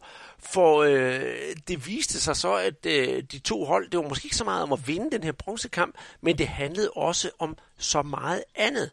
Og øh, når jeg sad og så de her to hold, der kæmpede og kæmpede og kæmpede, og så tænker jeg, det var egentlig sjovt, fordi Alexis Sanchez havde før kampen sagt, at øh, man spiller ikke om bronzemedaljer, og øh, da kampen var færdig, tænker jeg, han skulle altså have været man of the match, for han var egentlig den mest anonyme for både alle argentinerne og chilenerne. De gik jo rent faktisk øh, til vaflerne, og det endte jo i, ja, i et hav af gule kort, og så også et par røde. Lidt sjovt, når man kigger ned i statistikken og ser, hvem, hvem argentinerne der har fået, øh, fået gule kort, så er der jo en af dem, som man bare forventede skulle have, have, have gule kort, nemlig øh, Otamendi. Han fik faktisk ikke noget gult kort, men næsten alle resten af dem fik. Og Messi, han så sågar rødt. Ja, det, altså det, det som den her kamp, øh, vi vil huske for, at lige tage med, ikke, at den ender jo øh, 2-1 til, øhm, øh, til, til Argentina øh, som dermed bliver, bliver, bliver tre. Ikke? Men det ikke kampen bliver husket for, det er jo den der situation, der er mellem med Medel og, og Messi. Øh, og det er så i første halvleg. Øh, Medel er ved at følge en, en bold ud over, over mållinjen, og, øh, og Messi er så lige henne på ham, ikke? Og, så, og så skubber Messi så ud efter øh, den øh, chilenske anfører som så vender sig om og er pivrasende og går så hen og laver flere, flere øhm, øh, skub med, med, med brystet til, øh, til den argentinske troldmand. Og jeg kan sige, det er meget godt, de, de har nogenlunde samme højde, så, så der var ikke nogen, der fik næsblod ud af, af, af, af det. Men, men det endte så med, at, at øh, Vidal han fik øh, rødt kort, og det fik øh, Messi så også. Øh, og sådan mit, mit indtryk af den situation, det var, at øh, Vidal udvisning, det var helt i orden, og Messi, det var, det var, lige, øh, det var lige hårdt nok øh, dømt. Ikke? Og, og det, han var selvfølgelig også selv øh, oprørt over, over den der, øh, ja, den der udvisning. Øh, selvfølgelig, og det kommer vi ind på her, når vi skal, når vi lige om lidt skal, skal have fat i det Knudsens kæphest, altså, hvor jeg har fundet et emne, jeg, jeg angriber. Men, øh, men en ting, vi også skal sige om den her kamp, det er jo, at selvom man måske ikke tror det, så Argentina og øh, Chile, de er jo altså ikke sådan rent perlevenner, sådan historisk set. For 200 år siden, da man skulle frigøre sig fra Spanien. Der stod de jo side om side og, og, og prøvede at løsrive sig fra den spanske kolonimagt. Men vi skal også tænke på, at øh, Argentina og, og, og Chile, de deler jo en grænse på, ja, jeg ved, nu gætter jeg bare sådan et skud for hoften, på omkring 3.000 kilometer øh, ned langs Andesbjergene. Og når man når syd for Andesbjergene, som ikke er den naturlige grænse længere, så har man nogle problemer dernede i Patagonien. Der er noget olie, der er noget transport, og der er alt sådan noget der. Så de to lande, de har sådan notorisk ligget sådan lidt i, i krig med hinanden, nede ved det, der hedder Beaglestrædet. Og øh, det kulminerede så lidt under Falklandskrigen, Øh, for vi kan jo ikke, alle der ved, hvordan England og Argentina har det sådan, når de spiller fodbold, så er det jo altså krig, og virkelig krig med krig på.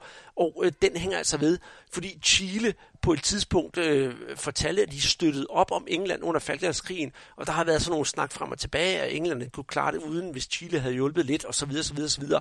Det hele det er meget snak, og så videre, men argentinerne, de glemmer ikke sådan noget, og det gør chilenerne sådan set heller ikke. Så den sang, som kører nede i øh, Argentina, når Argentina og Brasilien mødes med hinanden, har vi jo snakket om, Peter, det hedder med, at øh, Maradona er større end Pelé osv. osv. Den har man altså i, i, i, i, i kampen, op til kampen her, lavet om, så den handler om, hvordan Argentina ikke bryder sig om chilenerne. Og jeg tænker, at øh, nu sætter jeg altså lille bid på her, og så skal jeg nok oversætte bagefter, hvad det handler om. Så kan man sådan få indblikket af, hvad det, hvad, hvad det handler om, for det er altså ikke bare sådan dansk-svensk, ja, nu kan vi ikke lide hinanden i morgen, og så, eller i dag, og så elsker vi hinanden igen i morgen. Så prøv lige at høre med her et øjeblik.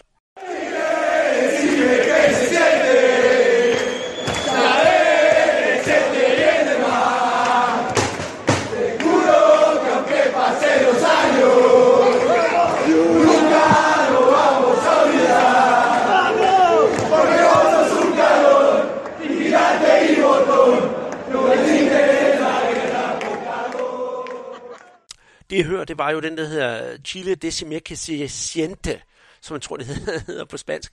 Og det, det handler om, det er nemlig, at, øh, at argentinerne glemmer ikke, hvad der skete tilbage, da chilenerne støttede englænderne. Og det vil man huske, og man håber på, at øh, den store bølge, og, altså, at Chile vil blive oversvømmet af, af, af, af havet. Ikke særlig pæne ord, men det er jo sådan noget, man synger til en fodboldkamp, og det beviser jo bare, hvilket had der er mellem de der lande nede i Sydamerika, selvom alt på oversiden ser ud af, af, af fred og fordragelighed. Og det tror jeg, Peter, det er en af grundene til, at den her kamp, den havde så mange gule kort, og så mange svinestreger, sådan indbyrdes. Jeg ved ikke, om du er enig med mig i det? Jo, det, det er helt sikkert. Der er jo noget på det, på det politiske øh, plan. Øh, men, men så er der også det andet, vi også skal tænke på. Det var, at i 2015 og 2016, der spillede de jo finalen netop i, i Copa America. Og der blev det så chilenerne, der, der var med til at, at sørge for, at, øh, at Messi han stadig ikke har nogen, nogen som helst Copa med, øh, med det, det argentinske øh, landshold.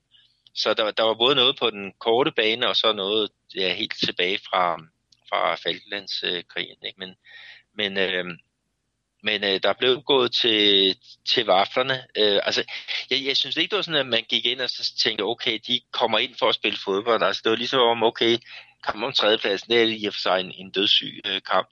Øh, så, så må vi bare gå ind og, og, og slås i, i stedet for. Det, det blev sådan lidt på, øh, på den måde, som, som, som jeg synes kampen øh, blev. Hvis det havde været en finalkamp, så tror jeg, at, øh, der havde været mange øh, flere øh, spilmæssige øh, højdepunkter, men, men det var det jo ikke, og så må man jo så tage det som, som det er. Ja, det, det er jo det, men jeg synes, den var meget, meget hårdt spillet, og den var, ja, jeg vil også sige, den var faktisk meget underholdende, når man skulle sidde og følge med. Det var, det var ikke den der sædvanlige bronzekamp, hvor der er ikke nogen, der gider noget som helst, man bare gerne vil hjem i bad for begge hold, så i det hele taget, så, så på, det, på den måde, der klædte det jo egentlig en turnering godt, og det viste egentlig også bare, hvad sydamerikansk fodbold det er i, øh, i, i, i bund og grund. Og øh, med det, øh, og de røde kort, så tænker jeg på, om øh, jeg må have lov til at komme med min kæphest, Peter. For efter Messi han blev sendt ud, eller vist ud, jeg synes nu ikke, det var til rød, det skal jeg også være ærlig indrømme, så øh, langer han ud efter, øh, efter Kommenbol og kommenterer, at øh, Kommenbol og forbundet altid dømmer til Brasiliens fordel, og det hele det er sådan, sådan sagt lidt for lidt firkant, det hele er så uretfærdigt. Men, øh, men, men jeg tænker på, har Messi overhovedet grund til at brokke sig over, at øh, han synes, at Argentina bliver forfordelt, fordi det synes jeg netop ikke er sket. For hvis vi kigger tilbage til øh, VM i 1978, der kan vi altså ikke komme udenom, at det på en eller anden måde, jeg har ingen beviser for noget som helst, det skal jeg først sige, det lugter langt væk. Øh, I de indledende runder, der var, der var både Brasilien og Argentina gået videre, og så spiller man sådan et mellemspil, og der var alle kampene endt sådan, at det hele blev afgjort i sidste runde. Brasilien og Polen, de skal spille. De mødes kl. 16.45 og vinder 3-1 over, over, over Polen, som sagt. Og så skal Argentina spille mod Peru tre timer senere. Alt fint nok, det var måske bare lidt dårligt planlagt. Men Argentina kan dermed se, at de skal vinde minimum, jeg tror det er med fem, nå, fem mål eller seks mål over, eller de skal vinde med fem overskydende mål over over Peru for at gå videre i, i, i, i turneringen. Argentina fører 2-0 efter første halvleg mod faktisk et rigtig godt spillende Peru. Anden halvleg, Argentina, de er klart bedre. Nu skal jeg også sige, at Argentina har et fantastisk hold, det er jo ikke det. Men Peru, de har slet ikke samme styrke, som de havde i første halvleg, og det virker sådan helt akavet, og så ender det jo som sagt med, at Argentina vinder 6-0. Der er aldrig blevet bevist noget som helst, men Perus målmand dengang i 1978, han hedder Ramon Cuerega, blev også kaldt for El Loco, han er lidt sjovt nok født i Rosario, Argentina. Han har jo selvfølgelig benægtet, at kampen den var fikset.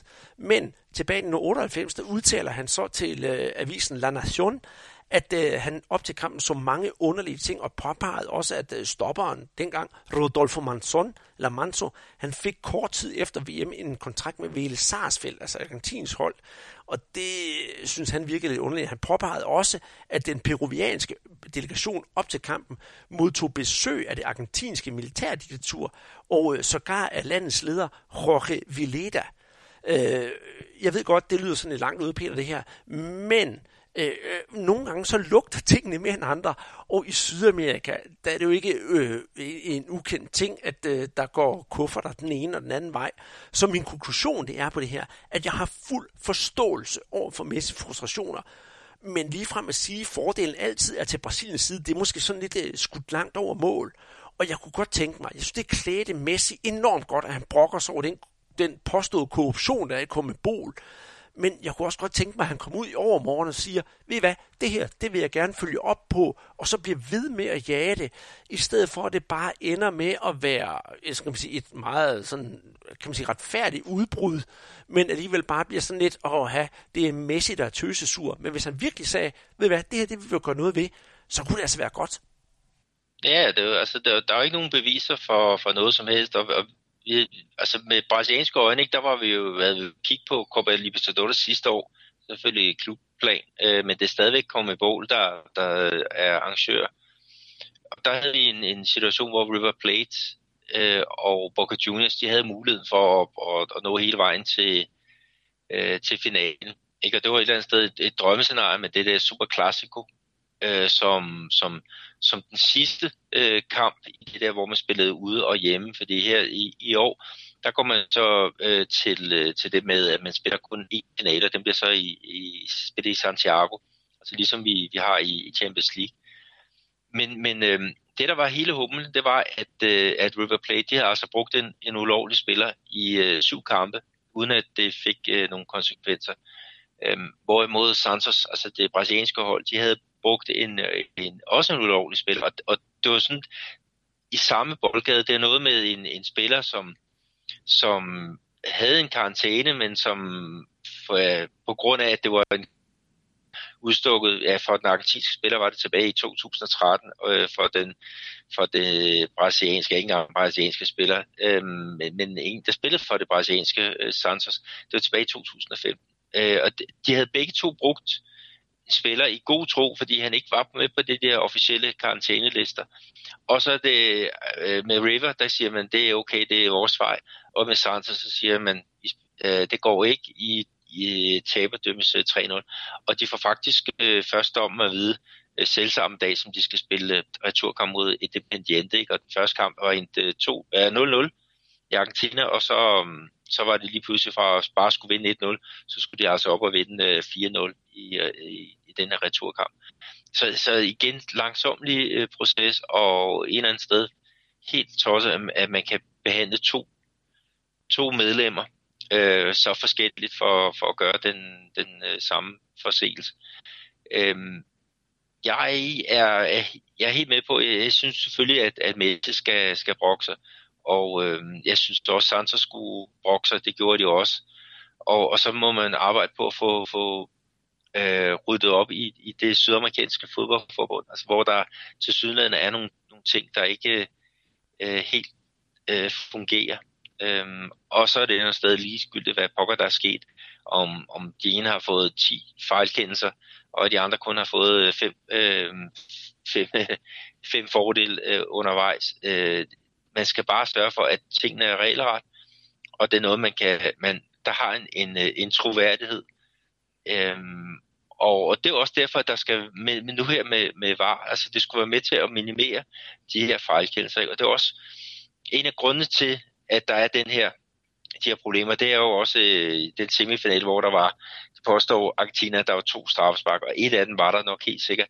Men der burde VAR have været, været inde, ligesom at være med til at, at lukke det hul. Øh, siger, hvorfor bliver der ikke dem straffespark i, i den her øh, situation? Øh, hvorfor kunne brasserne gå op i det, det, det, det, det næste kontraangreb og så putte bolden ind til, til 2-0. Øh, jeg var selv på stadion, og jeg havde regnet med, at dommeren han skulle ud og, og kigge og konferere med, med videodommeren. Men han blev ikke kaldt øh, derud, og, og dermed så stod, stod målet til 2-0 også øh, fast på, på, øh, på Lystavn. Men, men det, der, der sker engang med nogle underlige ting, og, og hernede der har alle paranoia også fordi kulturen har været meget med, med korruption. Ikke? Øh, og det må man et sted gøre, øh, gøre op med og komme, komme til livs. Så der er kun én vej, og det er, det er fremad øh, og få, få rettet op i de her ting. Så mit råd herfra, Peter, det er, at øh, Lionel Messi, når du hører det her, ring til Romario, fordi Romario, han har jo altså prøvet at gøre en stopper for det, jeg prøver, vil gerne stoppe for korruptionen, inden i hvert fald for i, i den brasilianske fodbold. Hvis han, Romario, Lionel Messi og et par stykker andre af de helt store top, topspillere og tidligere topspillere, kunne stå sammen og prøve at rydde op i det her, så tror jeg, man kunne nå rigtig, rigtig langt. Jeg tror bare desværre, øh, for Messi, at det, i det her tilfælde, så er det bare hans frustrationer, der fik frit løb, og så kommer det desværre aldrig videre. Men øh, sådan er det. Noget andet, jeg synes, der var sådan lidt øh, skævt af Messi, det var, at han øh, boykottede præmieoverrækkelsen og ikke var med til at modtage sin bronzemedaljer. Jeg kan godt forstå, at han er sur, og han har fuld ret til at være sur. Men hvis han nu gjorde det med rang ryg og stillede op til det og sagde, jeg tager imod min bronzemedalje, og I alle sammen nogle, for at sige det på en lidt grov måde, nogle røvhuller, men jeg tager imod det, så havde det måske virket meget mere effektfuldt. Ja, måske, måske altså, det, det, jeg tror, når man, når man er i, i det humør, der, så, så, så, går man, så vil man bare ikke have den der øh, den her øh, medalje. Øh, så så øh, ja, jeg, kan, jeg kan godt forstå, det er ikke særlig professionelt, men, men øh, ret øh, menneskeligt. Jeg var heller ikke gået, gået ind og, og hentet den der øh, bronze øh, medalje. Vi skal lige have med, der, altså også, at, at, at det var faktisk Aguero, som, som, øh, som scorede til 1-0, og Gibala til, til 2-0. Gibala, han havde altså øh, fået chancen fra start her, og, og han så fantastisk øh, spændende ud. Jeg får ikke set ham så meget i, i europæisk fodbold, øh, desværre, men, men jeg synes godt nok, at øh, der er noget, noget godt på vej der.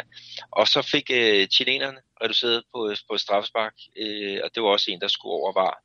Øh, men det var så Vidal, der, der bankede øh, bolden ind i et rigtig frustrationsfri øh, øh, straffespark. Den, den skulle bare have fuld hammer, og så var han den sted ikke glad med, om den, den røg meter over, eller, eller, eller hvad. Men øh, han, han var heldig, og øh, mm. det blev så 2-1. Og, og, og der vil jeg også, også pointere, fordi før den her turnering, der har vi jo også snakket om det der med, at øh, Gibala, han er jo ikke nogen dårlig fodboldspiller, det kan vi ikke komme udenom, men han har haft problemer med at, at, at have et godt samarbejde med Messi. Men det fungerede altså i den her, den her bronzekamp. Så, så jeg ser Øh, øh, lysere tider for det argentinske landshold. Øh, øh, de øh, lavede, havde nogle rigtig gode ting. De havde delt også nogle dårlige, det, det skal være at sige. Men øh, jeg glæder mig til at se dem øh, til, til at se dem fremover. Og jeg håber også, at Messi måske til Copa America næste år kan få den oprejsning, han måske øh, øh fortjener. Men hvis vi så kigger sådan overordnet, overordnet på turneringen, nu har vi lige snakket om Argentina, øh, Brasilien selvfølgelig, de levede op til deres øh, favoritværdighed, det kan vi troligt sige. Og øh, vi kan også se, at øh, Chile, de havde så sagt Indiens sommer, men problemet er bare, hvad har de fremadrettet? Vi har jo hele tiden snakket om det, det er de gamle, kan de, kan de, kan de. Det kunne de, men øh, de kan nok ikke til næste år. Det tvivler jeg i hvert fald meget på.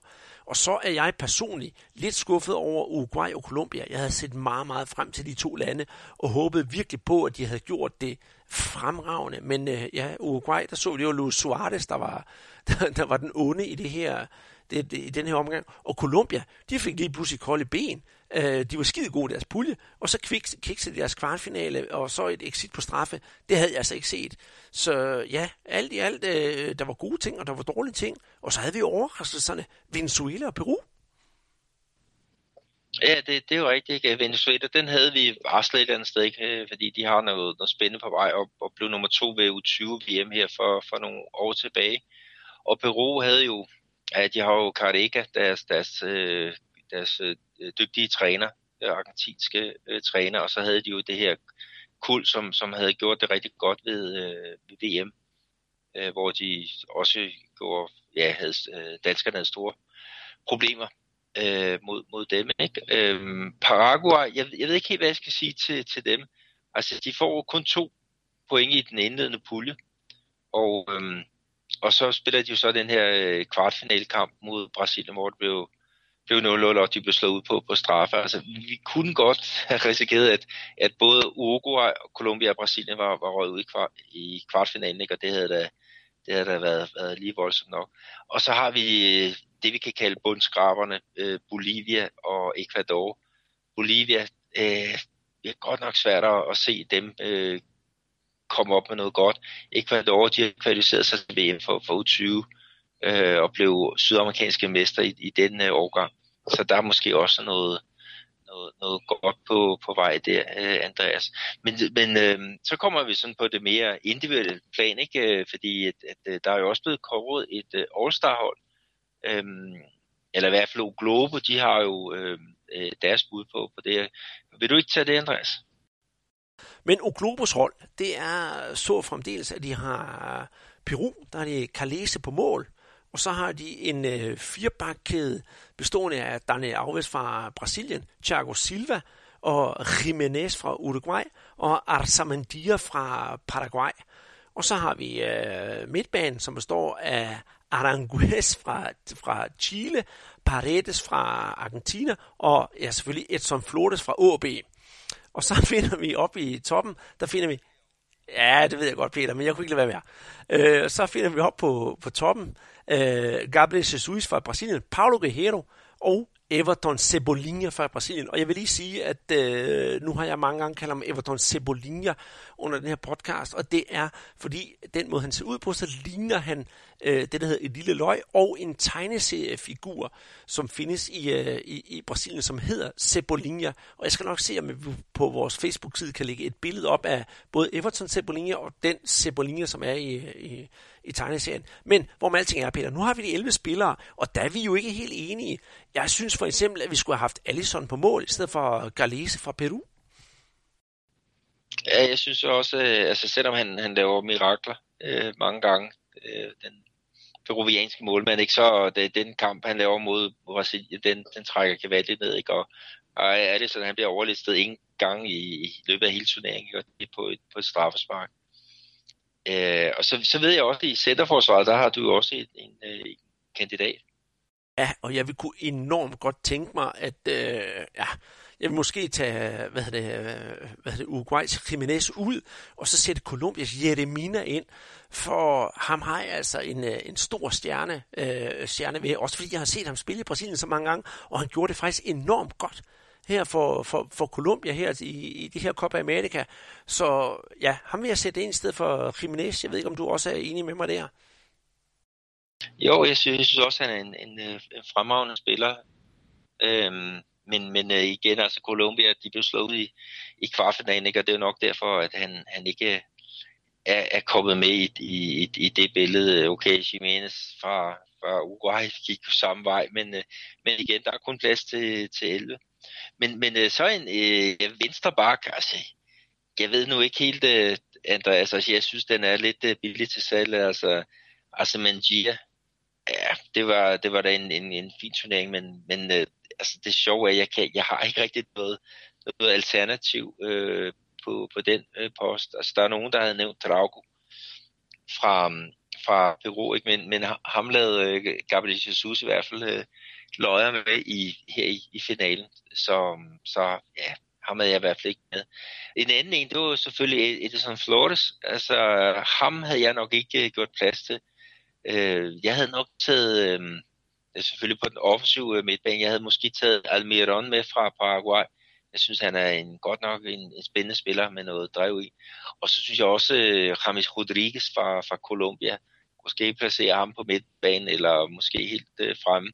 Men noget, noget af det, altså, han leverede i, i puljekampen, det var jo fremragende. Så jeg husker stadigvæk hans, hans øh, aflevering med, med ydersiden øh, til Zapata i, i øh, en, en af kampene. Altså det var, det var virkelig tekniske øh, lækkerier. Og så, så ellers øh, angrebspladserne, altså, øh, altså selvfølgelig så synes jeg, det er de tre bedste, der ligger deroppe, men altså Cavani og Suarez, de må være på, øh, på reservebænken, og Zapata fra Colombia. Jeg synes godt nok også, han så, så spændende ud. Ja, og jeg glæder mig enormt meget til det her Uruguay-hold og se dem igen. Også øh, Colombia for den sags skyld. Det vil være simpelthen fantastisk. Og Peter, ved du hvad? Nu nævnte jeg simpelthen den her holdopstilling hvor, øh, fra, fra, fra Uglobo, hvor vi var nogenlunde enige. Men jeg har jo glemt at sige, hvem er træner? Fordi mange vil måske bare automatisk sige, jamen det er jo Chiche, fordi det var han lidt i Brasilien til, øh, til, til guld. Men øh, der er vi jo faktisk enige med Oglobo, at det skal jo så være øh, Careca. Ja, det, det er flot, altså det han har, har leveret. Altså det, det gik uh, rigtig dårligt mod, uh, mod Brasilien øh, uh, 5-0, men så fik han jo, jo uh, tætnede forsvaret og fik også fundet en, en spillestil med, med, med aggressiv presspil, som, som i hvert fald uh, sørgede for, at, at, at Chile de ikke nåede i, i finalen, og, og, og Brasilien havde jo også store problemer og fik jo først, først afgjort øh, kampen i, i aller, aller sidste minut. Mm. Og det med, med, med, med, med den gode Carreca, så lukker vi så, kan man sige, All-Star-holdet ned for, for den her omgang.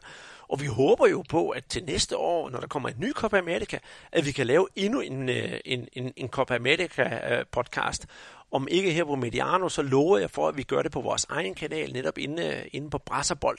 Og så inden vi sådan rigtig slutter af for alvor her, så husk lige både at gå ind på Mediano Sandbox og give den nogle stjerner ind på iTunes, og gøre det samme vores, fordi øh, jo flere stjerner vi får ind på Brasserbold, jo mere kan vi komme ud til den brede befolkning, så folk kan lytte med. Og Peter, øh, når man ikke lytter med på, på Brasserbold, så er der i hvert fald nogle mennesker, som øh, inde på holdet.dk har kunne finde ud af at være med. For før turneringen startede, der øh, lavede jeg sådan en fix lille video, hvor jeg havde iklædt mig en brasilianske trøje, og så stod jeg og, og, og brillerede med, at øh, nu laver vi et hold inde på holdet.dk, og skal man bide skier med både dig og mig så var det bare at gå i gang og lave et øh, hold ind på vores pulje, der hed Brasserbold, og vi havde 120 styks halvliters Guaraná på højkant. Og hvis det nu ikke var dig og mig, der vandt dem, eller lå den øverste puljen, så gik den videre. Og det var måske sådan lidt kold høen sagt, fordi når nu turneringen her, den er færdig, så kan vi jo så konkludere, at øh, vi begge to ligger enormt, hvad skal vi sige, lunkent i, i feltet. Og det kan godt være, at vi er gode til at snakke om sydamerikansk fodbold, men at sætte et hold og spille manager, det er altså bare noget, vi overhovedet ikke kan finde ud af. Nej, vi må bare øh, bøje os i, i støvet, ikke? og vi har jo så også øh, fundet frem til, til en vinder, ikke? Og, og skal, vi ikke, skal vi ikke offentliggøre det og, og hylde øh, den, den sande champion? Kelsens sambadrenge af, af Anders Kelsen, og øh, mange, mange gange tillykke med det, Anders. Og du havde jo hele ni brasilianere med i den sidste runde. Det kan vi rigtig, rigtig godt lide. Nummer to, det blev øh, Escobar 11 af Peter Trøjbo. Tillykke med det. Og nummer tre, Nødeknækkeren af Niklas. Han skal også have en, øh, en lille ros. Og øh, ja, altså til næste år, så håber jeg på, at vi får mange flere med i øh, puljen, hvis vi kan få lov til at oprette en. Og jeg vil egentlig også gerne sende en lille hilsen til en, vi har, har rost hele vejen igennem, Peter. Det er netop Carlos Valderramas hår. Og så har vi også Chiminho, Evander Copacabana og Cesar Santin Lats. Det har jo ikke skorte på fede brasilianske navne i den her pulje. Nej, det, det, øh, det har været en, en rigtig øh, øh, god oplevelse, ikke? og vi havde så 210 med i, i den her øh, pulje, altså forskellige hold, og øh, ja, altså mit Rivelino, jeg kan lige så godt øh, bryde sammen og så sige, altså blev nummer 2900 og og 52 øh, øh, ud af, af alle dem, der overhovedet deltog. Og i puljen, i vores lille brasserpulje, så blev jeg nummer 158 øh, ud af, af 210. Så, så der er, er plads til, til forbedring, ikke? Og, og jeg håber også, at, at øh, vi kan blive bedre til, til næste år. Man får altid nogle erfaringer. Og øh, ja, for holdet det går, der skal jeg da også ind og have lavet et, et super, Superliga-hold, og øh, Monique Evander, han, han kommer med der sammen med måske øh, Paulinho og nogle af de andre øh, brasser, som vi har rendende i, i Superligaen. Oh, det kunne være vældig festligt. Jeg kan sige for mit eget vedkommende, så endte jeg som 109 i vores pulje, og så endte nummer som øh, 1838 i den øh, globale serie. Så ja, jeg skal heller ikke prale. Men øh, det er jo dejligt, at øh, der er andre, der har den samme interesse, som vi har, Peter, og i hvert fald er bedre til at sætte et, øh, et øh, managerhold. Og øh, med det her manager, så øh, synes jeg, vi skal lukke ned for den her sidste Copa America podcast på Mediano Sandbox. Det blev en øh, længere omgang, men jeg håber, I øh, holdt med hele vejen igennem. Og så skal I jo huske på, at øh, i næste uge, så udkommer vi ikke her på Mediano Sandbox længere, men der udkommer vi på vores egen kanal, netop inde på Brasserbold, og du skal bare søge ind på SoundCloud, så dukker den op. For der skal vi altså til at snakke om øh, den brasilianske liga, og vi skal også snakke om den øh, brasilianske pokalturnering, som mens vi snakker her, Peter, som er på vej til at gå i gang. Jeg ved uh, her, når jeg er færdig med at redigere i aften, så skal jeg ind og se Flamingo Atletico Paranaense. Så, så, så den brasilianske fodbold, den står simpelthen ikke stille. Og så bliver det også spændende, hvad der sker med uh, Everton Cebolinha. For uh, her i dag, uh, op til vi er optaget, der har der været pressekonference nede i Gremio, og der har der været sådan lidt kom si kom sa, fordi han har både sagt det ene og sagt det andet, og der er en frikøbsklausul på cirka, så vidt jeg husker, 80 millioner euro på den mand, så må ikke der også er en masse europæiske klubber, der har kig på, på, på, på Cebolinha. Og så er vi jo selvfølgelig også glade for, at øh, han kommer jo oprindeligt fra Øst-Brasilien, fra Ceará. Så da Brasilien havde vundet det her, så modtog jeg faktisk også en lille øh, sms fra, fra Bechara, der sagde, ej, hvor var det bare dejligt, at det var en øst som øh, endte med at være, ja, kan man sige, øh, man of the match i finalen. Ja, det, det, det er jo fremragende, og, og når vi snakker om det der med, med de kommende øh, stjerner, ikke, så er der jo også allerede her i, i det her transfervindue, der er jo, der er jo røget øh, en spiller afsted til Atletico Madrid. Øh, ham, som man snakker om, skal være Brasiliens næste øh, venstre, venstre bak. Øh, han hedder Renan Lodge, og han, han spiller så for Atletico Paranaense, ikke, som, som er en, en øh, meget, meget spændende klub, øh, som, som også er med i, i Copa Libertadores. Øh, og det er jo også noget, som, som vi tager fat i i vores, øh, vores øh, ugenlige podcast, altså de der kampe, hvor der bliver virkelig krydset klinger på, på kryds og tværs med argentinske, brasilianske, kolumbianske, peruvianske, øh, uruguayanske øh, mandskaber. Så øh, vi, vi har været rigtig glade for det her forløb, men øh, nu bliver det også fedt at komme tilbage til, til rødderne, så at sige. Og ja, og det øh, kan jeg love dig for, jeg glæder mig sådan til at se Flamengo spille igen. Så det skal blive en ren fornøjelse. Og med det, så lukker vi altså ned for denne her sidste gang, kan vi sige, øh, på, på, på, for indtil videre på Mediano Sandbox. Husk at følge os inde på Twitter og inde på Facebook. Det er bare at søge på Brasserbold, så dukker det op af sig selv. Og som sagt, som jeg sagde før, gå ind og giv os nogle stjerner ind på iTunes, eller gå ind på tier.dk og støt os derinde, da vi gerne vil give jer et bedre produkt. Og med det siger jeg, Andreas Knudsen og Peter Arnhold, tusind tak for denne her gang, og vi håber, vi ses igen en anden gang.